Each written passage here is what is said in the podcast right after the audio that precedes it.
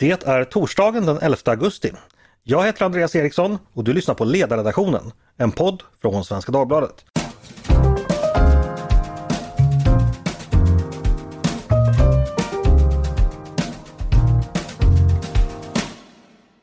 Varmt välkomna!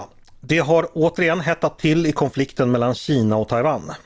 Förra veckans besök av talmannen för representanthuset Nancy Pelosi följdes av en stor kinesisk militärövning i havet utanför Taiwan.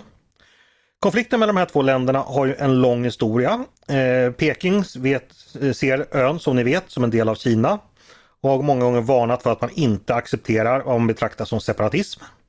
En eskalation av den här konflikten skulle få stora konsekvenser globalt tror man, både politiskt och ekonomiskt.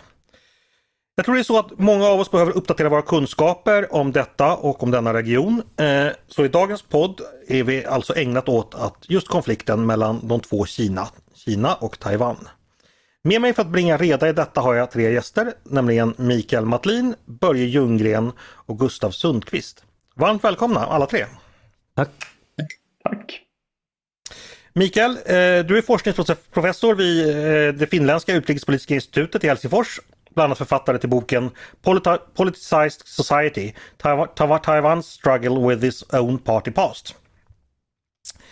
Eh, Börje, du är eh, doktor i statsvetenskap, associerad senior medarbetare vid Utrikespolitiska institutet och också vår ambassadör i Peking mellan åren 2002 och 2006.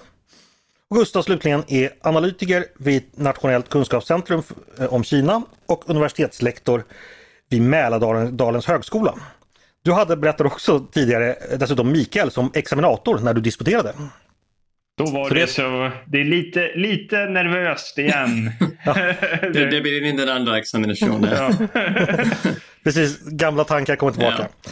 Nej, nu, det är ingen fara. Eh, men hörni, jag tänkte vi skulle börja någonstans. Jag tänkte börja med dig Börje. Eh, skulle det gå att lite kort sammanfatta hur styret i Peking ser på Taiwan och varför man ser det så? Ja, det Peking ser det som en helt central fråga och, och eh, frågan om Taiwans liksom, återinf, återtagande som eh, icke förhandlingsbart. Och det går tillbaka till 1949 när Mao och kommunistpartiet tog makten i Kina och Chiang Kai-shek-regeringen som då hade styrt eh, flydde eh, till eh, Taiwan. Och, som, och, och, och, eh, där fortsatte man som republiken Kina och det var faktiskt den regimen som erkändes eh, och, hade platsen i FN, FNs säkerhetsråd i, i, ganska många ytterligare år fram till 72 vill jag minnas. Eh, så det, det, är en konflikt som går tillbaka till, till eh, revolutionen och som Peking betraktar som någonting som måste fullföljas. Och det, jag tror att det kan anses vara en, denna vår tids absolut, kanske den viktigaste geopolitiska frågan i, i relationen mellan USA och Kina. Om vi tar från andra sidan då, vänder med dig Mikael. Eh, hur ser man det från andra hållet, alltså från officiellt taiwanesiskt håll? Vad, vad, vad är synen på relationen till fastlandskina så att säga? Det här uh, styrande partiet, alltså DPP, uh, eh, Democratic Progressive Party, uh, de, de, hade ju alltså uh, till en början en sån här agenda som, som strävar mot formell självständighet, men, men det är ganska länge sedan man ändrade på det, alltså ungefär där vid slutet av 90-talet, början av 2000, när partiet första gången, eh, första rundan kom, kom eh, till makten, så, så ändrade man på det sättet att man, man kör inte eh, längre aktivt på, på formell självständighet, men däremot så ändrar man det så att man, man anser då att uh, Taiwan redan är uh, suveränt och uh, självständigt de facto det, och, och det är stat som heter enligt konstitutionen Republiken Kina. Jag menar att lägga mig till då uh, Republiken Kina på Taiwan. Utöver det så ehm, eh, äh, Taiwans eh, regering har ju försökt länge eh, då minska på sitt beroende av, av, av Kina, i synnerhet ehm, då den, den här DPP-styret ehm, så, så, så har länge liksom satsat, satsat på det att till exempel då etablera eller, eller förstärka relationer till diverse sydostasiatiska länder för att minska beroende. Men, men ser man på det stora hela så, så nu är det ju ännu, ännu så att Taiwan är till en hög grad ekonomiskt beroende av, av, av, av fastlandet, Kina. Eh, Gustav, vänder mig till dig. Hur skulle du beskriva situationen och relationerna mellan länderna just nu? Är den är den sämre än vanligt? Eh, har det skett någonting på sistone som, som påverkar relationen om vi tänker de senaste månaderna? Jag tror eh, man ska, kan även historiskt se relationen mellan Kina och Taiwan i kontexten eh, det kalla kriget, de större geopolitiska konflikterna i världen. Och eh, det har varit sådana här eh, Taiwan-kriser tidigare. Det var två kriser, eller egentligen småkrig mellan Kina och Taiwan under 50-talet. Och där var det mycket i kontexten av eh, konflikten då mellan öst och väst, mellan eh, kommunismen i Sovjetunionen och eh, eh, västerländsk, mer marknadsekonomiska system. Då. Sen var det en sån här konflikt mellan Kina och Taiwan i mitten av 90-talet, 1995 till 96, som eh, kanske inte var riktigt lika intensiv som eh, konflikten nu då. Och nu eh, det här året så har vi den fjärde Taiwankrisen. Och jag tror det som gör den här uh, krisen ännu mer intensiv det är att uh, vi har ett begynnande nytt kallt krig nu igen mellan USA, delvis Europa på ena sidan och uh, Kina och Ryssland på den andra sidan. Och det här gör att eh, Taiwan skär liksom rakt igenom ett nytt kallt krig. Så. Ibland när man läser i media så framställs det ju som så att eh, man från Pekings sida egentligen bara väntar på rätt tillfälle att ta tillbaks Taiwan. Att det är närmast ofrånkomligt att förr eller senare kommer man, mm. kommer man försöka. Eh, är den skulle ni säga att är, är, den, är den bilden riktig och rimlig? Vad, vad säger du Börje? Ska man, ska man ja, förstå Det är absolut ambitionen. Och Xi Jinping eh, som har varit i makten i två perioder, tio år, han har betonat att man är allt mer otålig. Så, ja. och, och, han har också ökat eh, trycket. Vi har sett det inte minst nu eh, med den väldigt omfattande militära manifestationen senaste dagarna. Eh, och det intressanta är att även om, om Xi Jinping ser sig som den som ska leverera återföreningen så har den också eh, blivit avlägsnare i meningen att det, det finns inte minsta intresse på Taiwan. För, eh, utan det är status quo eller självständighet. Men status quo vid 90 procent tror jag, i undersökningarna. Så att det, det är faktiskt mer, faktum är att Xi Jinping har målat in sig i ett hörn lite grann. Då den enda möjligheten till återförening nu är att ockupera Taiwan, vilket skulle skapa en global kris av obeskrivlig, eh, obeskrivlig omfattning. Mm. Eh, vad säger du om det Mikael? Eh, president Xi och Pekings strategi mot Taiwan. Hur benägen skulle du säga att man är att ta till våld? Ja, det är klart att det finns alltid där i bakgrunden. Man har inte frånsagt sig den möjligheten. Å andra sidan så, så, så betonar väl man säger ännu att, att, eh, att, eh, så långt som det är möjligt så försöker man eh, komma till en fredlig lösning. Problemet är ju det då att den här interna utvecklingen i Taiwan redan sedan början av 90-talet åtminstone, där det har liksom blivit en starkare egen identitet då på ön så, så det, det, det, det, leder ju till det att, att eh, man har försökt med, med ekonomisk integration, man har försökt med, med, med det ena och det, med, med det ena och det andra och, och det, det har inte lett liksom till, till ett eh, resultat som man har hoppats på i, i, i, i Peking. Så, så, så det, det, det, blir liksom mindre alternativ eh, kvar då på, på det där på bordet som man kan ta sig till. Mm. Eh, samma fråga egentligen till dig Gustav. Eh, vad, vad Peking kommer ha för planer? Eh, våld eller an, andra typer av påtryckningar? Vad, vad ligger i korten? Jag håller med eh, Börje och Mikael att det är just att få till en fredlig lösning blir allt svårare. Och jag tror inte minst hanteringen av Hongkong har gjort att många i Taiwan blir mer skeptiska mot att bli en del av Kina för att det här med ett land, två system man pratar om med Hongkong eh, har ju inte realiserats. Sen så finns det en problematik eh, hela tiden eh, som eh, relaterar till den militära maktbalansen mellan Kina och Taiwan. Alltså under mitten av 90-talet hade Kina ungefär dubbelt så stor militärbudget som Taiwan. Men idag är den ungefär 20 gånger större. Så det där gör ju också att Kinas kapacitet att ta över Taiwan har ju relativt sett ökat. Mm. Eh, tänkte vi ska prata lite mer om just Taiwan. Det är väl det landet som är mer okänt för de flesta jämfört med Kina. Eh, Mikael, kan du ge oss bara en liten kort inblick i Taiwan, in, Taiwans inrikespolitik? Eh, president eh, Tsai Ing-wen, vem är hon? Vad vill hon och vad har hon mm. för agenda? Ja, om vi först börjar från hennes parti så, som sagt, så det, det var ju Taiwan då de facto en, en enpartistat eh, länge som styrdes av ett, ett parti som hette, eller heter det nu också, Kuomintang. Och, och um, uh, de förlorade makten första gången år 2000, våren 2000 i, i presidentval till DPP-partiet som Tsai då också uh, representerar. Och, och, och eh, var, DPP var i makten då åtta år, men de lyckades inte då liksom ändra på, på en stor del av den strukturen, den underliggande strukturen som hade byggts upp då under, under det här lång, långvariga KMT-väldet. Och, och, och, det här ligger i bakgrunden då när, när KMT kom tillbaka, Kuomintang kom tillbaka då, eh, 2008-2016 eh, till makten för åtta år. Men, men under den tiden egentligen så började det ske, liksom, eh, eller det, det hade påbörjat den här interna Eh, kan man säga, och, då redan 2000. Och, och man börjar se då eh, när Tsai Ing-wen kom, eh, kom till makten 2016 och DPP tillbaka till, till makten så, så börjar man se de här förändringarna eh, tydligare och, och, och hon har då ganska mycket enligt min mening betonar egentligen eh, Taiwans interna samhälleliga och ekonomiska förändring.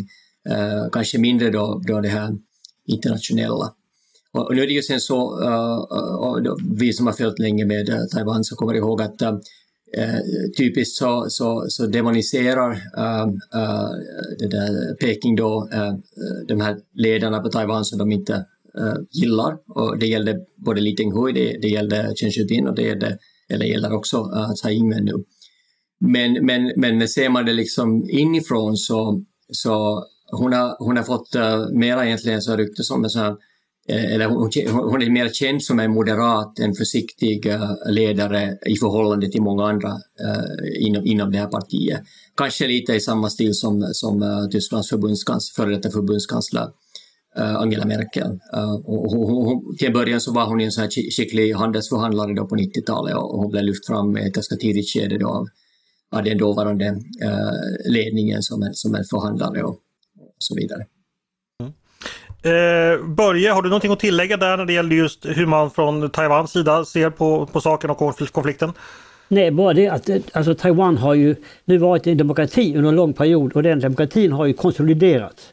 Och taiwaneserna har blivit allt mera taiwaneser och har fått en identitet som eh, människor som lever i en väl utvecklad demokrati som de absolut inte vill överge. Så därför hela idén om eh, eh, One China Two Systems och One China Three Systems. Den, den, det finns inget intresse för det, utan det är, men det som då är det enda realistiska det är status quo.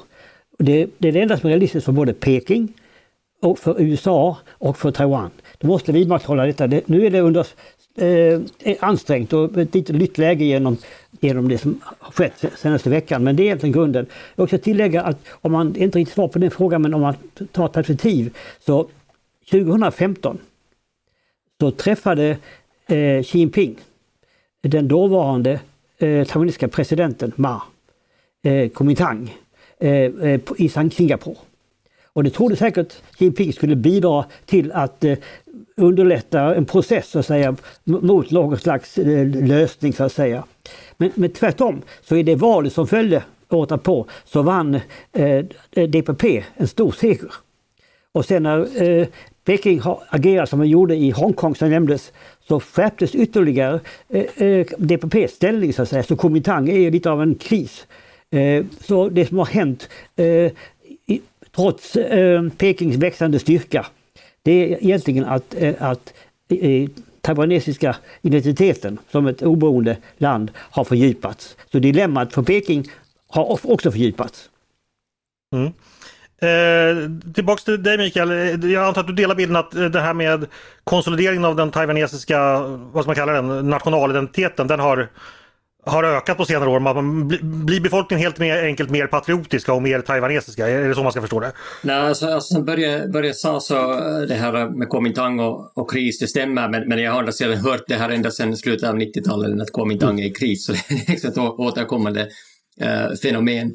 Och, och, och, och, det går lite tillbaka då till det att um, Uh, Kuomintang har liksom, uh, det, det, det, det fanns liksom en viss grund för partiet så länge som man, man strävade efter att, att kanske någon gång i tiden uh, ännu, ännu gå ihop med, med, med, med Fastlandskina. Men, men i och med den här förändrade identiteten som har skett, så det, det här underliggande liksom, Uh, det underliga stödet för, för Kuomintang har, har krympt och, och partiet har inte riktigt lyckats hitta kanske en ny roll uh, för sig. Och det finns, det finns en, i min mening en, en ganska stabil uh, ska säga, konsensus eh, i, i Taiwan eh, som, som rör sig just kring, kring att det här status quo ska upprätthållas. Att, tittar man på enkäter och det här över en lång tid, alltså åratal, årtionden, så, så mer eller mindre 65 till kanske 85 procent av, av befolkningen äh, håller med att, att, att i nuvarande läge det bästa man kan åstadkomma är status quo. Så, så det finns ganska lite stöd egentligen för att uh, söka eh, formell självständighet. Det finns ännu mindre stöd för, för uh, förening med, med, med uh, Fastlandskina, med, med Folkrepubliken det här stora konsensuset ligger, ligger där och, och, det är den liksom, ska säga, interna megatrenden som, som DPP har, har, har, har liksom ridit, den vågen har, har de ridit um, till makten med och, och, det är svårt att ändra på det. Så jag hittar inte riktigt en sån här majoritet eh, längre i, bland befolkningen. Ännu en fråga till dig Mikael. Hur, hur ser det ut eh, på befolkningsnivå, relationerna mellan Taiwan och Kina? Finns det fortfarande släktband som nu efter 70 år fortfarande upprätthålls? Åker man och besöker varandra? Eh, alltså hur ser man på varandra? Ser man Ja, man talar ju samma språk och kommer från samma kultur. Hur, hur, hur nära står folken varandra? Går, går det att förklara lite enkelt? Eh, ja, med tiden så, så blir det ju förändringar där. Att det, vi har ju många exempel i Europa också där, där vi har till exempel Tyskland och Österrike där man, där man nog har delvis uh, liknande bakgrund och talar, talar mer eller mindre samma språk men, men ju längre tiden, tiden löper så det kommer nya generationer som inte kanske mer har det här, det här liksom, uh, naturliga och, och, och, personliga sambandet. Och nu är det stor skillnad om man tänker tillbaka till, till slutet av 80-talet när, när man kunde börja resa då från, från eh, Taiwan till fastlandet så då fanns det ju en genuin liksom, entusiasm, folk som hade släktingar, nära släktingar, familjemedlemmar ännu på andra sidan. Men nu, nu ser man då på, på de som har eh, vuxit upp i Taiwan och, och som, eh, eller vars för, förfäder och, och, och, mödrar har varit på Taiwan i hundratals år, så det finns inte kanske mer till, till den grad det här personliga uh, sambandet. Trots att man har det mycket, man har ju mycket umgänge, det bor ju massor med människor från Taiwan eh, på fastlandet, långt över en miljon. Eh, Börje, jag tänkte, Kina har ju, som vi har nämnt, då, har ju utvecklats väldigt mycket de senaste 30 åren. Eh, landets ekonomiska politiska status har ju gentemot omvärlden har ju förändrats väldigt mycket. Vad skulle du, vilken roll skulle Kinas så att säga, tillväxt till en global supermakt, hur påverkar den eh, konflikten eller relationen till, till eh, Taiwan? Ja, framförallt har den ju skärpt eh, eh spänningarna i relation mellan eh, Kina och USA. Det är faktiskt vår tids stora fråga eh, hur den relationen kan hanteras. Och vi ser ju att det, inte minst vad gäller Taiwan, så är, är det verkligen en mycket ansträngd relation. Och den präglas utav, man säger djupgående strategisk misstro. Och det tror jag är ganska oundvikligt. I synnerhet som vi ser vad man kallar för power shift. Det vill säga Kina har blivit allt mäktigare och det är en väldigt krävande eh, förändring för, för också för den, den den hegemonen eller för för USA. Va? Så det, man måste se hela konflikten i det ljuset. Och eh, USA har haft ett Ända sedan man, man upprättade relationer med Peking 1979 så har man diplomatiska relationer så har man haft eh, en, en, en, en One China policy. Man har accepterat att det var ett Kina. Eh, och, det, och det har då också betytt att man inte vill att Taiwan ska söka självständighet. Men däremot vill man värna om Taiwans eh, eh, och demokratins eh, fortlevnad och accepterar inte hot från, från Peking så att säga. Och i och med att klart styrkeförhållandena förändras så blir det väldigt påfrestande. Och vi har sett nu att Biden, han har gått längre i att betona stödet för, för Taiwan än, än till exempel Obama gjorde och tidigare. Eh, man pratar alltid om att USA har en strategic ambiguity. Man, man eh, vill stödja Taiwan och eh, garant för Taiwan men inte uppmuntra självständighet. Denna ambiguity. Men nu kan man se listan att Biden har gått lite längre i att säga att man är beredd att eh, till och med militärt gå in och så vidare. Va? Så att det är, det är, en, en, det är en spänning som, som, jag, eh, eh som jag hoppas innerligt att, att Xi Jinping, eh, och han har just kommit med nya uttalanden, eller regimen, ett white paper, att man ändå förstår att priset för att agera militärt eller genom att, att kväva Taiwan, det är också en möjlighet, skulle bli mycket högt. även om man militärt har resurserna att agera, så är, också, så är, det, eh, är taiwaneserna de är starkt eh, engagerade för sitt lands eh, nuvarande ställning och för demokratin och för Taiwan, Taiwans utveckling. Så att man har alltid sagt att, tidigare att tiden är på Pekings sida, för Peking blir allt mäktigare. Men också, det är inte heller så enkelt för att taiwaniseringen fortsätter också, demokratiseringen fördjupas, eller, demokratin fördjupas. Så det är ett drama som, man, som eh, tyvärr eh, tror jag man känner i Peking att man inte riktigt behärskar trots allt, trots sin makt. Mm. Mm. Eh, tänkte vända mig till dig Gustav. Eh, tänkte på eh, president Xi har ju då, eh, ja han kommer väl då, har väl ambitionen att väljas för sin tredje mandatperiod nu i höst på nästa partikongress. Han har ju talat då om den kinesiska drömmen, lanserat den som något att eh, ja, Kina ska bli då den här globala superspelaren. Eh, vi har också 200-årsmål. Ett som då man nådde, eller sa sig nå förra året, sen då nästa stora mål 2049 då då så att säga Folkrepubliken Kina fyller 100 år.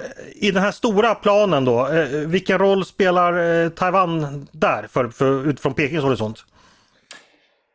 Eh, jag tror det kan vara att eh, Xi Jinping han vill få en auktoritet i eh, kommunistpartiets historieböcker på samma nivå som eh, den första ledaren Mao Zedong eller ehm, den tredje ledaren Deng Xiaoping.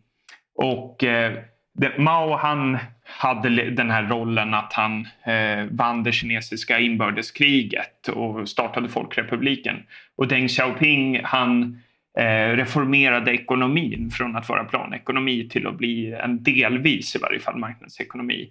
Och då skulle att återta Taiwan att verkligen avsluta det kinesiska inbördeskriget, det skulle väl vara då ett steg som är jämförbart med de här två tidigare ledarnas insatser för kommunistpartiet. Så det är möjligen det är så eh, Kina-vetare resonerar varför det här skulle vara särskilt viktigt för honom. Då. Mm. Mm. Okej. Okay. Eh, det kan säga med några ord bara, om det värsta skulle ske, om det, det skulle bli krig. Eh, har vi någon aning om hur ett sånt krig skulle kunna spelas ut. Jag som lekman föreställer mig att det inte är helt lätt att erövra en, en ö. Alltså det, då talar vi om liksom stora amfibieoperationer av klassen invasion av Normandie föreställer jag mig. Sådär. Vet vi någonting om eh, ja, hur, hur spekuleras det bland, bland, bland er experter kring detta? Är det någon som vill ta den, den bollen? Ett eventuellt krig? Ja, jag säger som så att det, det, är något som jag själv har, har ganska mycket tal, eller eh, sagt eh, i åratal att att gå inte och tro att det, det är lätt att ta. Det är trots att vi kan se på militärbudgeter och jo, okej, okay, uh, Kinas budget är kanske 20 gånger högre än Taiwans idag, men, men uh, i, i, teorin så skulle det ju vara lätt, lätt i, i citationstecken då att, att, eh, eh, att komma in i Ukraina. Det var liksom på, om man tänker på, på det som ett spektrum så, så borde det vara det lättaste fallet där, där man har en lång uh, landgräns med rätt så, så, så uh, platt och man kan bara köra över, över gränsen på flera hundra kilometer över gränsen med, med uh, pansarvagnar. Och i andra änden av det här spektrumet, nu talar vi alltså om, om, om hur, hur det ser ut ur, ur militärens synvinkel, så ur, i andra änden så ligger då ett ställe som, som uh, Taiwan som inte bara ligger på en ö, utan, utan där har vi då 150 uh, eh, kilometer hav emellan som brukar vara stormigt största delen av tiden. Uh, så har vi branta uh, kuster. Vi har få, få ställen där man överhuvudtaget kan landstiga. Kanske 80 procent av, av hela ön är, är, är branta berg som är tätt bevuxna och resten är, är, är lika täta urbana områden. Så det, det är liksom ett, ett mardrömsscenario eh, på, på många sätt. Och, och, och då har ju Kina kanske saknat den här kapaciteten ända tills kanske några år sedan att, att egentligen eh, ta det.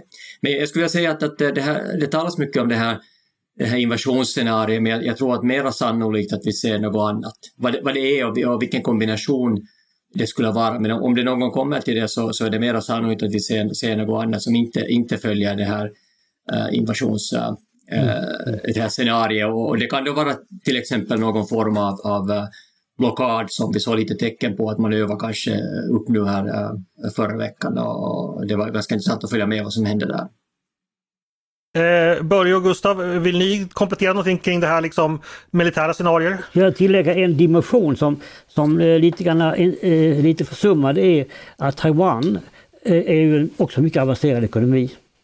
Djupt integrerad på många sätt med, den, med fastlandskinas ekonomi, kanske 50 000 taiwanesiska företag. Men det som också som är väldigt intressant det är att Taiwan är ledande i, i världen vad gäller halvledare. Eh, de, de står faktiskt för 90% av den mest avancerade eh, eh, teknologin vad gäller halvledare. Kanske en, lite mindre än 20 av tillverkningen. Också Kina är mycket långt framme. Men skulle, skulle man försöka strypa Taiwan och så vidare så slår det otroligt kraftigt mot mot eh, världsekonomin. För att när man pratar om de här kedjorna eh, av komponenter och så vidare så är idag halvledarna, det är lite av kan man säga, oljan i hela systemet. Om man jämför med hur, hur, system, hur det ser ut för en del, något, något decennium sedan. Så det är en mm. otroligt kritisk eh, eh fråga. Eh, och Kina är ju, till skillnad från Ryssland, så är ju Kina en, en mycket stor ekonomi, världens största handelsnation idag. En stor investerare. Länge var det bra så att det kom in investeringar men det är också att Kina är en stor investerare utomlands och så vidare. Va? Så Kina är helt beroende av att det finns en världsekonomi som fungerar. Och mm. ett mera introvert Kina skulle, skulle inte, och det har redan skett en hel del för att försvåra med handelssanktioner och så vidare under, under Trumps tid, de ligger kvar fortfarande. Så det är illa nog som det är så att säga. Men skulle man verkligen mm. påfresta det hela och skapa en global kris och klart att ett krig skulle kunna, det är skrämmande att bara föreställa sig möjligheten. Och, och klart att, och, och vad gäller den frågan som egentligen var frågan nu, så skulle ju Taiwan, skulle, det skulle finnas ett motstånd. Det tror jag alldeles säkert. Och det skulle finnas utländskt stöd för, för denna demokrati, ungefär som det finns för Ukraina idag. Så jag, eh, återigen, jag kommer tillbaka till att, att eh, lockelsen eh, för, för Pekings sida de måste väga det mot riskerna för sin egen del, för sin långsiktiga utveckling, för 2049 och förverkligandet av kinesiska drömmen och allt detta som är centralt i, eh, i budskapet. Ett annat dilemma, jag vill lägga till en sak till, det, det är att det finns förväntningar om man tittar på sociala medier i Kina att Kina ska agera kraftfullare. Han har skapat en, en förväntningar som man eh, har, nu alltså, tycker nog är rätt svårt att hantera. Och, och det är partikongress och så vidare, man ska visa styrka och allt det där. Eh, då, då är det eh, att då samtidigt visa den klokskap som landet, som känner landet bäst. Det, det, det blir svårare. Och jag hoppas att det ändå får bli så att, att status quo ansträngs men inte att det inte blir ett krig så att säga.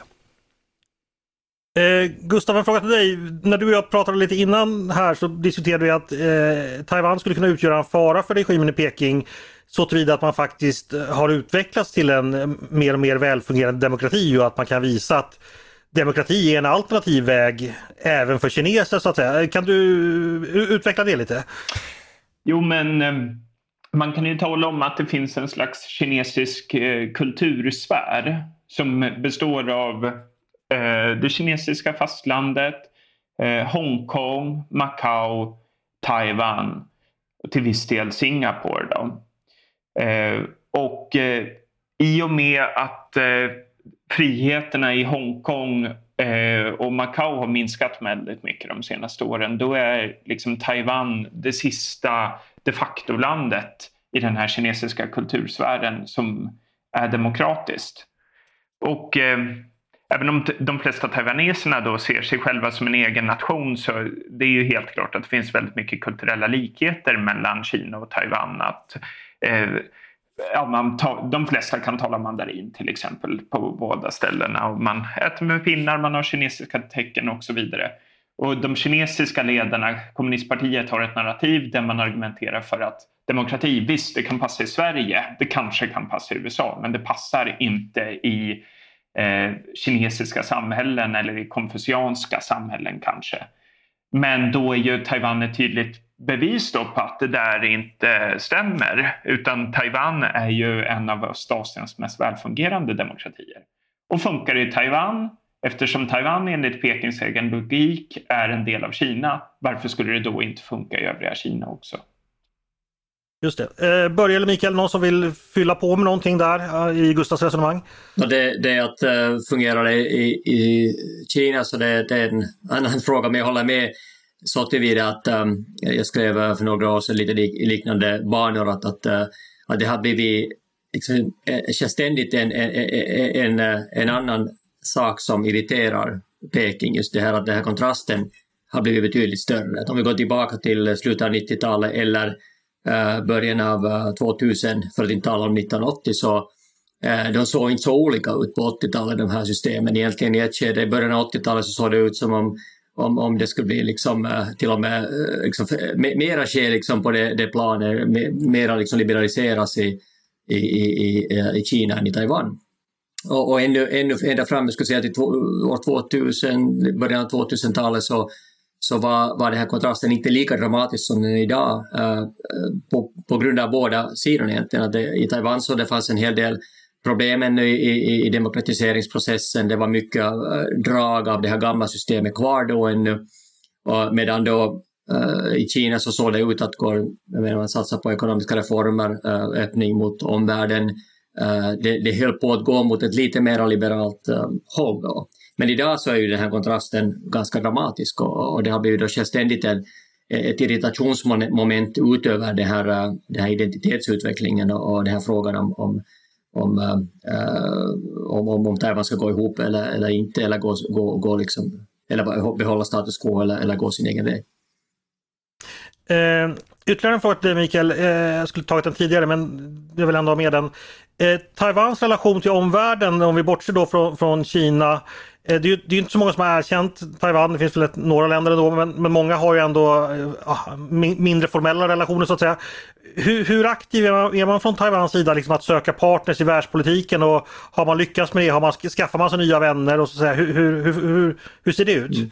Det, det, är en bra fråga. Um, Taiwan hade ju, om man går tillbaka några årtionden så hade det lite dåligt rykte uh, med tanke på just det här med dollardiplomati och så vidare. Att i det skede som eh, Kina inte hade, hade så stora resurser så var Taiwan ganska effektiv på att, på att eh, använda olika former av eh, ekonomiskt stöd då, eller, eller, eller, eller andra medel för att liksom upprätthålla sina, sina, sina partners eller, diplomatiska partners. Och, och, och, och, och i och med att Kina har, har, har, kunnat konkurrera på det området så, så egentligen nu den här nuvarande eh, ledningen så har sagt sig lite ifrån det här att de kommer inte mer att, att eh, använda alla medel för att eh, hålla fast vid de här uh, fåt, det här fåtalet länder som, som ännu erkänner då, uh, republiken Kina med andra Taiwan.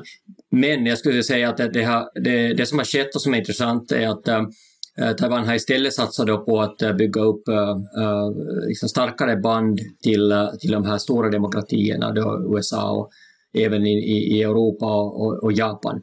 Och det verkar fungera egentligen eh, rätt så bra, men det har, det har mindre kanske att göra med Taiwan och mer att göra med det här stora äh, skiftet och, och, och den där konkurrensen mellan USA och Kina. Att ju sämre relationer det har blivit mellan USA och Kina, desto mera har, har Taiwan då fått äh, gehör och, och man liksom lys, lyssnar betydligt mer på Taiwan tycker jag nu, även i Europa men i synnerhet i USA, uh, än man gjorde för, för tio år sedan. Mm. Börje som, som gammal ambassadör och diplomat, vad säger du om Taiwans ställning på den globala scenen? Hur utvecklas den? Ja, alltså det, det antal länder i världen som har diplomatiska relationer idag med Taipei, det har ju minskat radikalt. Och det är nu bara ett dussin ungefär. Det var två dussin för inte så länge sedan. Men under Kuomintangs tid fram till 16 så, eh, så fanns det någon slags borgfred. Peking försökte inte aktivt att, att få flera länder på sin sida. Men sedan DPP kom till makten så har, och, det, och DPP har ju då en annan, helt annan historia och, och, och, också självständighetstanken i sin ideologi, så har det Peking mer offensivt eh, närmat sig ytterligare, det är ofta små länder, va? så nu är det sagt bara ett dussin. Och sen försöker också Peking att förhindra eh, eh, Taiwans eh, medverkan i FN-systemet. Man är med i WTO, det är mycket viktigt, men till exempel när man tar WHO under pandemin så har det varit en väldigt komplicerad fråga för, för Peking vill hålla eh, eh, Taiwan utanför så att säga. Och det är orimligt att göra det när man talar om en, en global eh, eh fråga av den dimensionen. Va? Och en tredje fråga det är då hur länder förhåller sig. Till exempel vi i Sverige, vi var ju det första land som erkände Folkrepubliken Kina 1950. första västland, förlåt, första västland. Och, och sen har det bara vuxit. Och, och, det är ju så att om man, om man skulle välja eh, att eh, satsa på Taipei istället så bryter man med, med Peking. Det, finns, det är det som är One China policy så att säga. Eh, men det hindrar inte att man kan utveckla relationerna till Taiwan på många sätt. Kulturellt, vetenskap, handel, utbyte av olika slag. Eh, det finns, det finns utrymme för att fördjupa dem. Och jag tror nu när eh, Taiwan är mera hotat så finns det ett växande intresse i världen eh, med, med, med, på, på, på, goda grunder så att säga, att försöka fördjupa relationen. Men fortfarande utan att, att ska, skapa en, en total kris. Nu var ju Pelosi besök, det var ju oerhört provocerande, men hon var ändå talman. Skulle ett land i västvärlden, skulle dess statsminister åka till Taiwan skulle vara en total eh, kris så att säga, i relationerna. Och, och en världsnyhet av, av sällan svåra slag så att säga. Det, det, det, återigen, hur jag än, var jag än börjar så märker jag att jag kommer tillbaka till status quo eh, som den enda hållbara konstruktionen. Och den är nu utmanad genom Pekings agerande. Men, det, men ändå tror jag att eh, man ytterst förstår eh, vid midnattstimman att det är det som är ändå eh, vägen till eh, fortsatt koexistens så att säga. Eh, vi ska ta runda av snart. Jag vill bara eh, slutgiltigen be er att försöka eh, blicka in lite i framtiden. Vad ni ser som avgörande i utvecklingen framöver. Alltså vad är det vi ska hålla koll på? Vad är det som kan påverka vad som kommer att ske? Eh, Gustav, först ut. Har du några spaningar inför framtiden? Ja, jag tror att det är en, det är en orolig period för eh, det kommunistiska ledarskapet i Kina eh, det kommande året med de här, eh, den här stora partikongressen och ska Xi Jinping få sitta ytterligare en period och så vidare. Och där tror jag att eh, risken är ännu större att eh, Kina kan överreagera i förhållande till eh, vad som ses då som provokationer från Taiwan eller USA. Så möjligen att eh, det kunde vara taktiskt då från Taiwan och USA att vara lite extra återhållsamma just under den här perioden för att inte råka eskalera en stor internationell kris. Eh, Mikael, samma fråga till dig. Eh, har, har, du några tankar inför vad vi ska hålla koll på inför framtiden? Nej, jag ska kanske återgå till vad Börje sa med status quo. Jag håller i med om att det ser ut som om det är det enda, eller det bästa, bästa lösningen för helheten så att säga, det enda som håller det någorlunda i, i schack. Men, men samtidigt måste man säga att, att eh, det här status quo eh, är inte, inte något som är eh, liksom fixat på, på, på ett ställe utan det, det är ett dynamiskt status quo och, och, och, och det det är, liksom, eh, det är rörelse på grund av eh, det som händer i Kina, men det är också i rörelse på grund av utvecklingen i Taiwan. Det är även i rörelse på grund av hur USA har, har, har sett om och delvis också Japan har sett om på, på mm. läget under de senaste åren. Så det, det är liksom, även om vi har den här status quo och, och, och det inte har helt urartat, så att säga, det här, det här konflikten, man försöker hålla det i schack, så, så det, det är ett mindre stabilt uh, status quo än det var för kanske 10 eller 20 år sedan. Och om, kort bara om framtiden ifall du har några tankar på vad vi ska hålla ögonen på framöver? Ja, om, man, eh, om man vidgar eh, eh, synsättet ytterligare så är ju ett antal av de frågor som är helt avgörande för världens utveckling, de är beroende av relationen mellan USA och Kina. Och det gäller inte minst klimatfrågan. Och genom det som har skett nu i förra veckan här så har Kina förklarat att man har tagit upp åtta no's. Och ett av dem är att man ska inte ha dialog med, med Kina om klimat och man ska inte heller ha en dialog mellan militär. Så det är, klart, det är allvarligt. Va? Men samtidigt har Biden förklarat att eh, det finns tre nivåer i relationen. Det är, det är samarbete, det är konkurrens och det är konflikt. Men han vill betona också att det finns samarbetsmöjligheter. Jag hoppas att båda länderna eh, tar tillvara och ser sitt ansvar globalt eh, för, för, för frågor som klimat och pandemi och eh, att, att bevara eh, freden i världen trots allt. Men det, ja, det är ett mer hotat läge än det var tidigare och Kina är en mer auktoritär stat än det var för tio år sedan. Vi trodde ju länge att Kina skulle också, efter Himmelska fridens torg, var det en idé att, att den här demokratin skulle följa nästan som en oundviklig konsekvens av ekonomiska reformerna och utvecklingen. Tvärtom. Kina har blivit ekonomiskt mycket mäktigare än tidigare men också mer auktoritärt än tidigare. Så motsättningarna i världen mellan, mellan auktoritära stater och demokrati och så vidare har också fördjupats. Så det är, det är en dyster tid och inte minst efter Putins agerande den 24 februari. Mm, Sannligen. Eh, Mikael, vill du också göra någon eh, liten framtidsspaning eller eh, vad vi ska fästa blicken på framöver för att förstå vad som händer? Nej, framtidsspaningar är förstås alltid, alltid lite, inte lite riskabla, men eh, det skulle säga att um, det, jag menar, frågar man kinesiska experter var, var Taiwan kommer att vara eh, om 10-15 år så största delen skulle säga att det, det är en, eh, en del av Folkrepubliken Kina i olika former. Och frågar man sen då icke-kinesiska internationella experter så har man en annan syn på det. Det, det, det, är kanske lite svårt att blicka framåt 10-15 år med, med så mycket som händer och, och, och liksom säga att det, det kommer att vara exakt samma läge som det har varit tidigare. Å andra sidan så eh, vi minns att, att, då när man förhandlar, eh, eller USA och Kina, när man förhandlar om att eh, USA skulle då eh, byta, byta uh, diplomatiska relationer uh, eh, från republiken till folkrepubliken så trodde man på bägge håll, både Kina men även, även i USA trodde man att det här läget inte kommer att hålla länge, att Taiwan inte kan hålla ut hemskt länge. Och här, här är vi, status quo finns ännu, eller det, det, det, Taiwan finns, finns ännu eh, så separat uh, i, i, de facto från, från Folkrepubliken. Så det är svårt att prognostisera. Det får bli dagens slutord. Eh, varmt tack till dagens gäster Mikael Matlin, Börje Ljunggren och Gustav Sundqvist för att ni ville komma och diskutera med mig. Tack till också er som har lyssnat på Ledarredaktionen, en podd från Svenska Dagbladet. Ni är varmt välkomna att höra av er till oss på redaktionen med tankar och synpunkter på det vi precis diskuterat. Eller om ni har idéer och förslag på saker vi borde ta upp i framtiden. Då är det bara att mejla till ledarsidan snabla svd.se. Dagens producent heter Jesper Sundström. Nej, det gör han inte. Dagens producent heter Jesper Sandström. Jag heter Andreas Eriksson och jag hoppas att vi hörs igen snart.